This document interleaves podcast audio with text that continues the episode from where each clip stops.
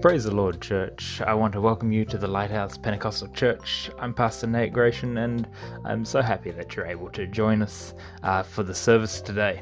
Uh, the message today is the work of worship. Uh, worship sometimes isn't always the easiest thing, but the Bible does uh, tell us to worship God. He is good no matter what situation we're going through, no matter what the circumstances may be. Uh, God is always good. We're going to start off in the book of Psalms today and uh, keep your Bible handy though because we'll be jumping around a little bit. I pray that this message touches you and ministers to you uh, in, in whatever stage you may find yourself in life. God bless. Let's dig into the word together.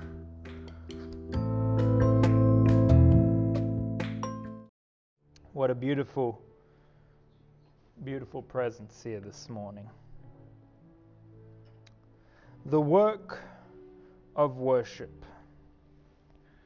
The work of worship. Have your Bible handy with you. We're going to be jumping around to a few passages. I want to welcome you to the Lighthouse Pentecostal Church. This month, the month of October, we've been going through a bit of a series about just sometimes we get stuck.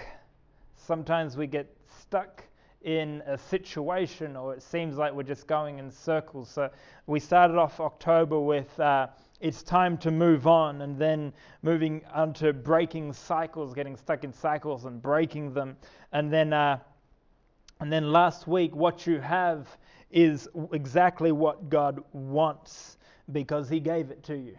So he wants you to use it. He gave it to you for a purpose and a plan.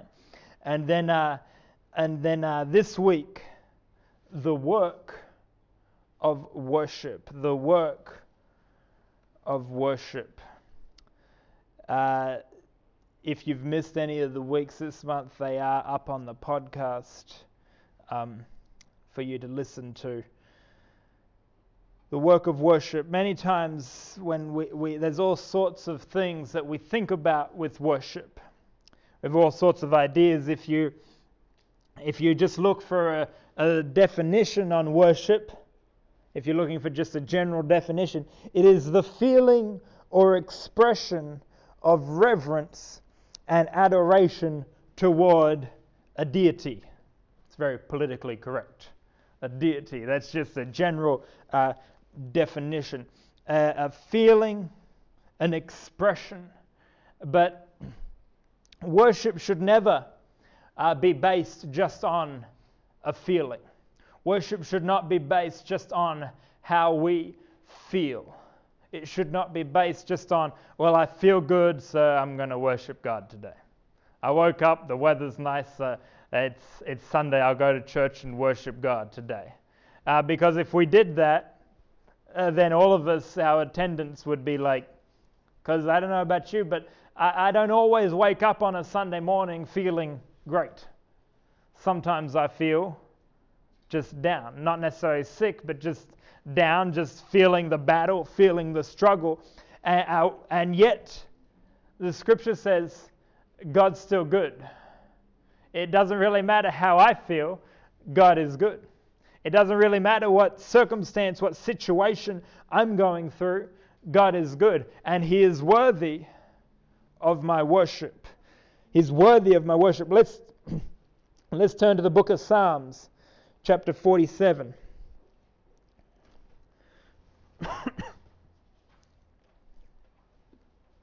God is worthy of my worship no matter what is going on, no matter what is happening, no matter how I feel. Worship should not be based on how we feel. So what what what is worship? What does what does worship look like? What does praise look like? And you can go into the discussion of is praise worship and is worship praise and are they the same thing or different? I will we're not we're not digging into that this morning. That's a Bible study uh, discussion. But we need to, God deserves our worship every day, all the time. Psalm chapter 47, verse 1 says, To the choir master, a psalm of the sons of Korah, clap your hands, all peoples, shout to God with loud songs of joy. Clap your hands, all peoples. Shout to God with loud songs of joy. You want to know why we do clap our hands in church? You want to know why we sing out loud? You want to know why we get excited? Because the Bible tells me to. It tells me to worship God, to praise God, to get excited about these things. It tells me to, to do these things. Let's turn in the same book, book of Psalms, chapter 150.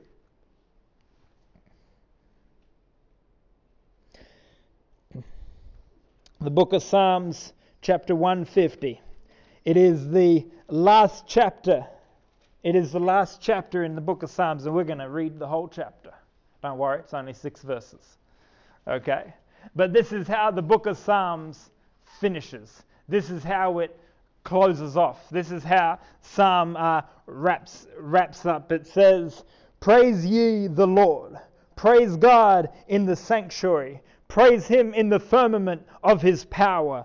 Praise him for his mighty acts. Praise him according to his excellent greatness. Praise him with the, with the sound, sound of the trumpet.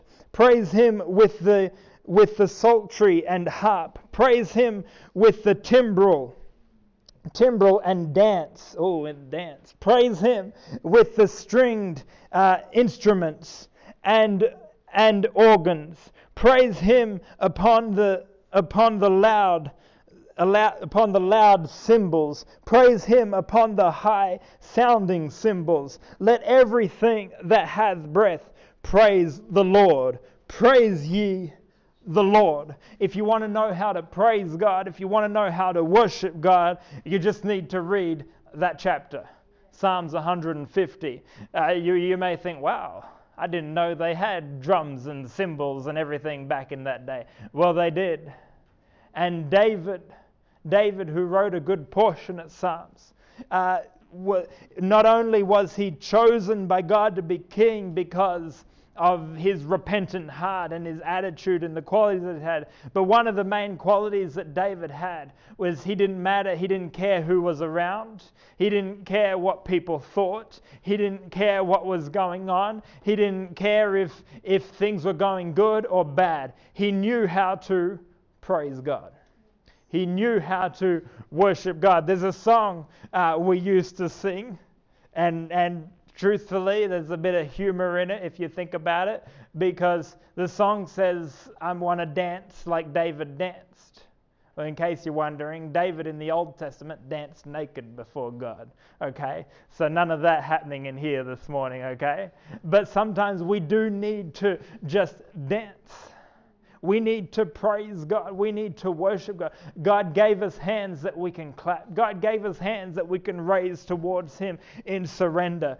God gave us these things uh, to worship Him with and to praise Him with and to magnify Him with and to exalt Him with. That is worship.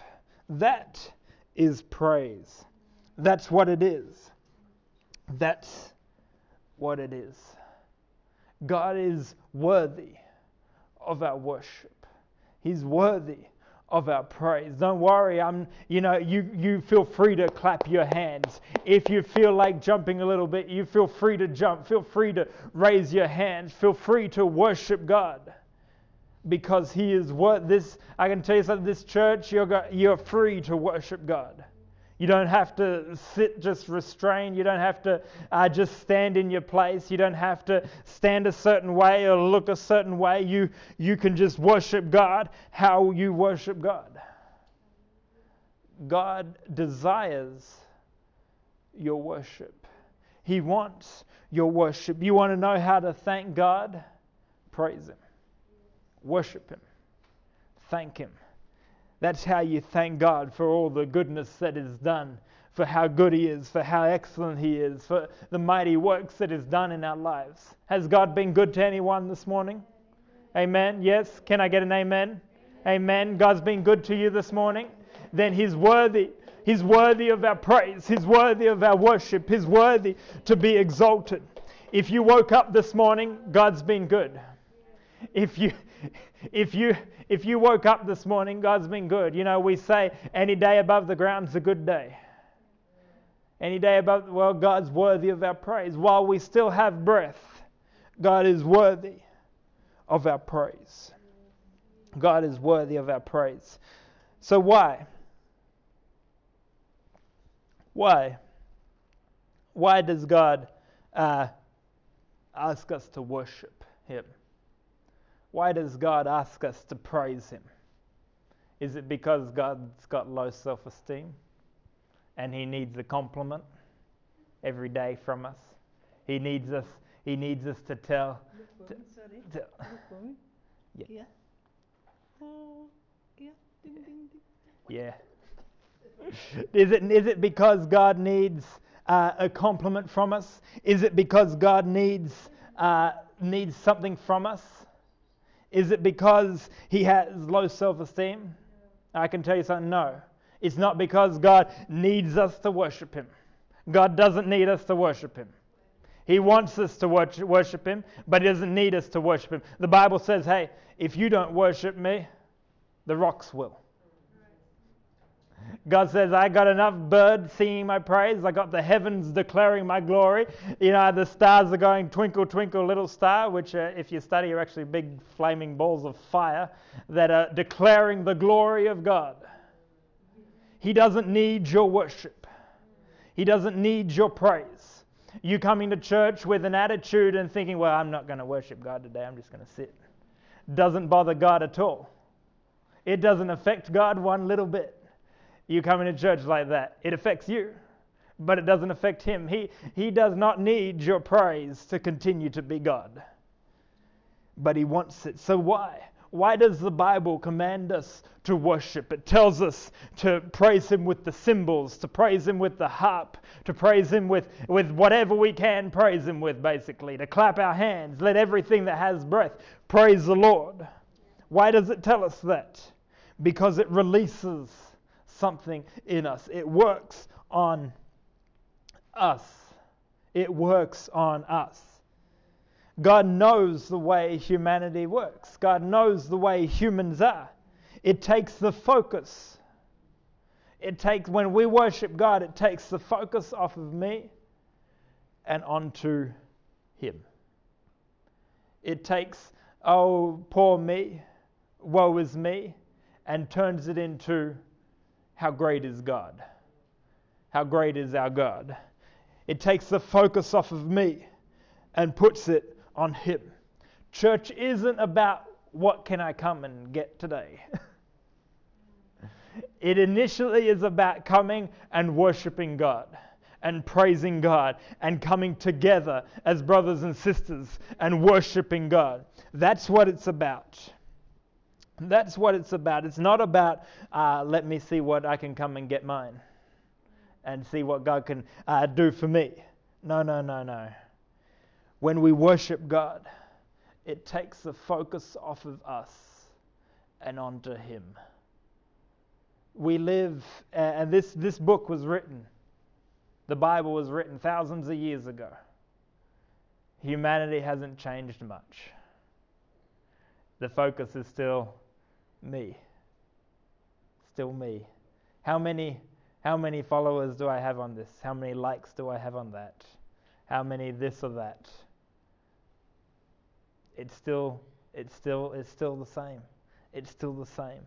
And and that and that focus when we focus on ourselves when we focus on ourselves we we realize we begin to see things that we don't like and we try to handle it, we try to deal with it.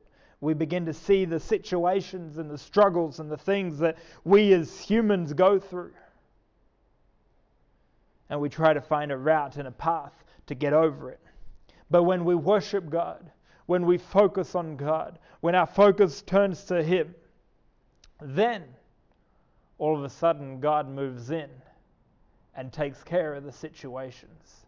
Because we begin to realize hey, I may not be perfect, but He is. I may not be good, but He is. I may not have everything sorted, but He does. And when we see God compared to our little situation, we begin to realize just how small our trial and our struggle is compared to how big and how powerful God is. But while we sit and while we while we don't worship God, while we sit in our troubles and sit in our struggles, it all begins to get bigger around us. It all begins to get too hard and harder around us. And so I encourage you worship God. Worship God. Worship God. Worship oftentimes comes from a place of sacrifice. Let's turn to the book of Genesis, chapter 22.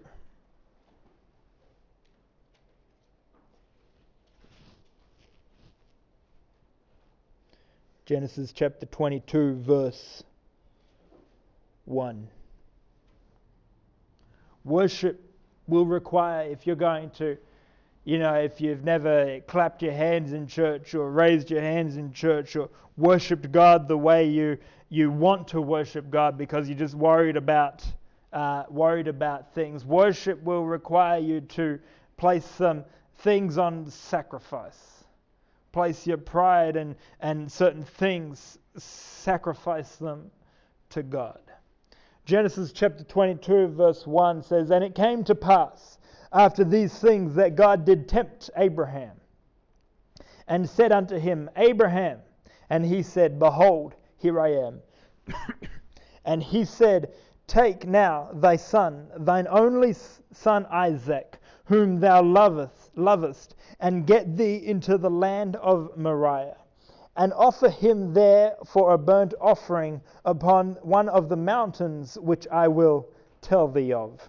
And Abraham rose up early in the morning and saddled his ass and took two of his young men with him and Isaac his son and clave the wood for the burnt offering and rose up and went unto the unto the unto the place of which God had told him. So Abraham, God's set a, God's come to Abraham, the father of faith, and said, Abraham, I need you to go to this place where these, these mountains in Moriah and sacrifice your son, your only son, on a, as a burnt offering to me.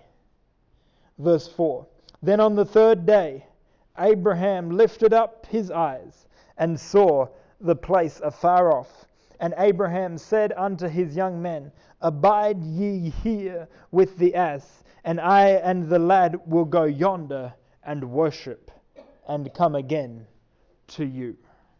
What many people see as Abraham's sacrifice, as Abraham having to sacrifice something, Abraham himself, saw it as worship to God. Worship oftentimes, oftentimes comes as a sacrifice. You may, you may look at it and people may think, wow, you're sacrificing so much. But you need to view it as worship to God. As worship to God. View it as worship to God. You, you may need to sacrifice some things when worship comes from a place of sacrifice, it is a powerful, powerful weapon. It is a powerful type of worship. It's a powerful form of worship when it comes from a place of sacrifice.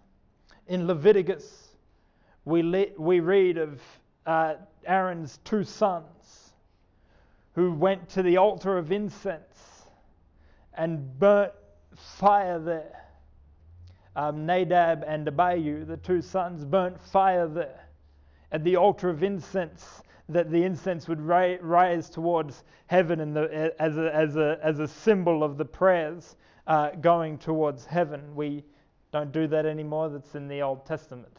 But, uh, but they lit it with strange fire. They lit it with what the Bible calls strange fire not fire from where it was supposed where the fire was supposed to come from. and the fire consumed the two sons. God sent fire from heaven and killed the two sons right where they stood for doing that. Because the fire, where was the fire supposed to come from? It was supposed to come from the altar where the burnt offering had just been done, where the sacrifice had just been made. They would take the fire from there and over to the altar of incense and light the incense with it. Worship from a place of sacrifice when you don't feel like worshiping God, when you don't feel like anything's going right, when you've had to sacrifice some things, when you've had to give up some things. Worship in that place is a powerful, powerful thing. It's okay to worship God when everything's good, when the job's good, when the, the pay's good and life is good and everything's all going well. But can you worship God when you're in a place of sacrifice? Can you worship God when, when you're sacrificing things and having to give things up and, uh, uh, to, to reach God? Can you worship God when things aren't going so well? It's easy. It's okay to worship God in the, in the good times. We can come to church and it seems like every day is a, a good day and it seems like everything is going right and the sun is up and shining and our health is good and our family is good and all is right with the world. we can worship God in those times. But, brothers and sisters, the challenge is when you don't feel like it. Can you worship God in those times? If we could have some music this morning. Let's turn to the book of Acts, my final point. The book of Acts, chapter 16.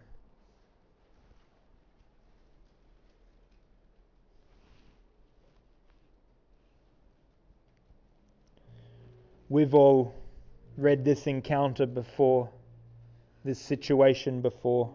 Acts chapter 16, verse 25.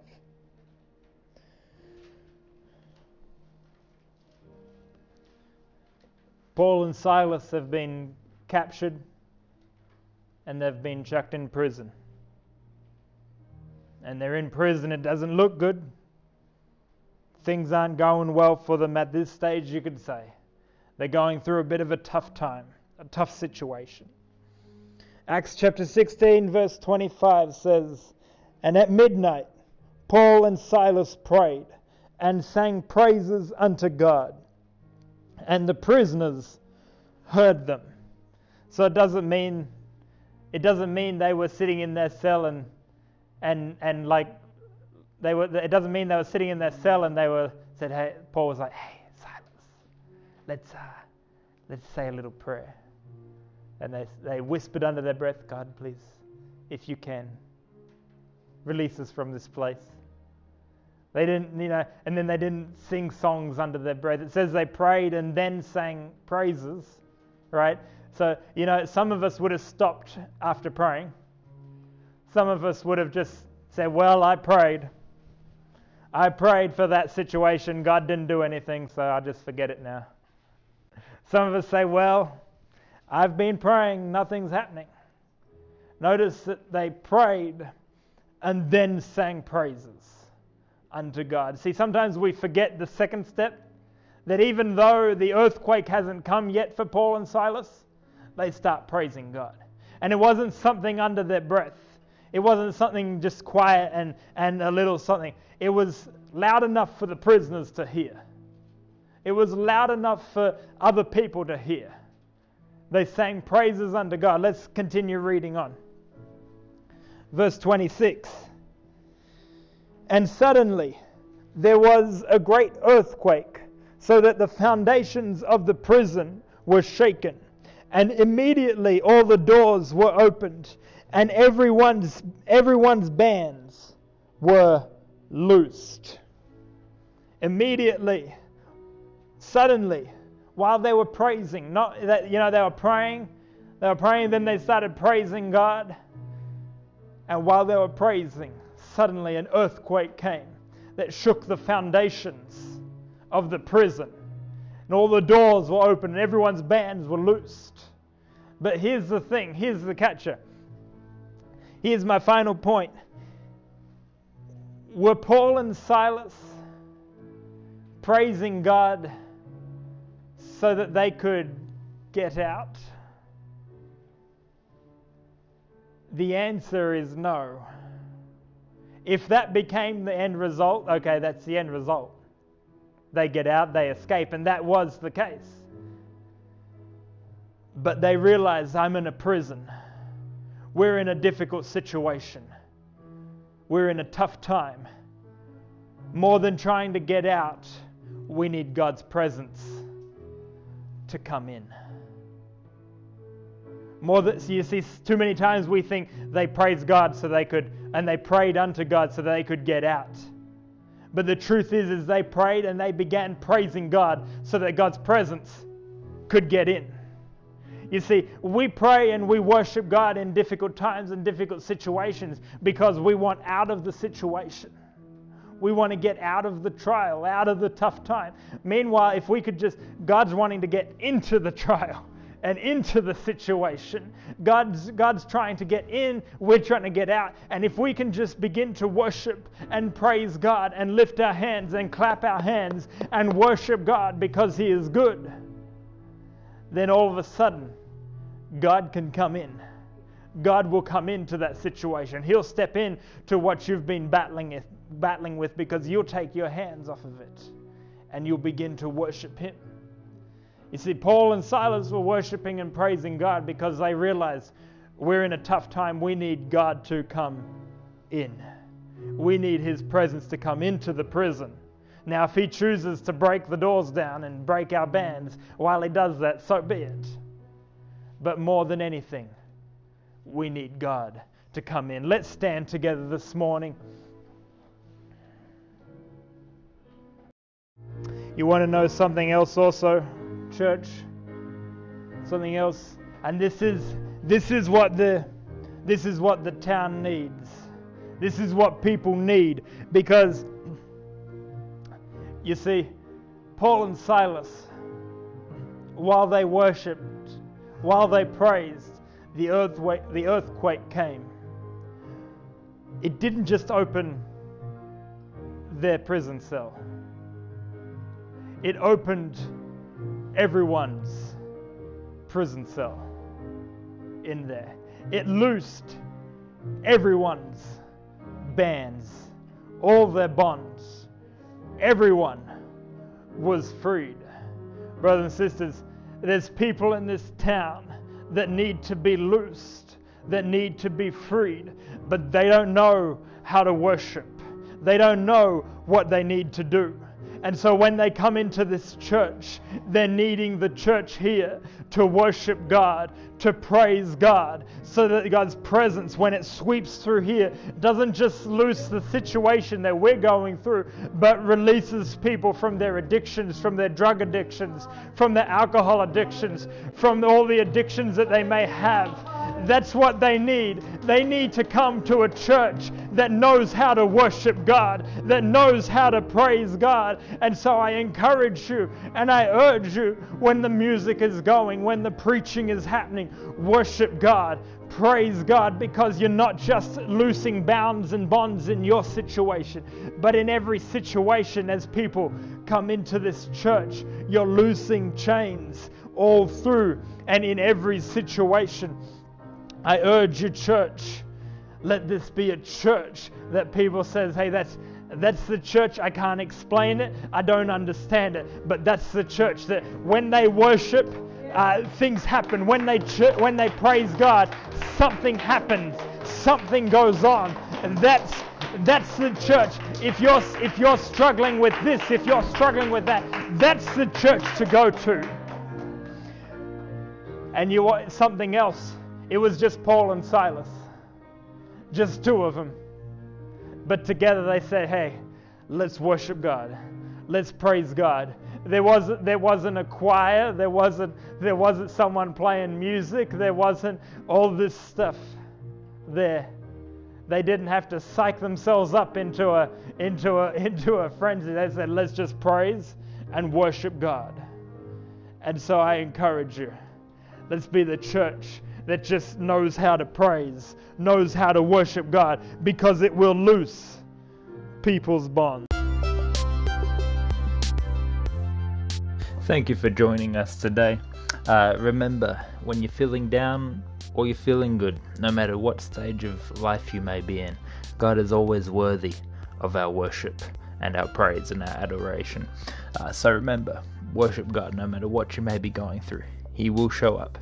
Uh, I would ask you today that if you found this message touch your life, that uh, share it.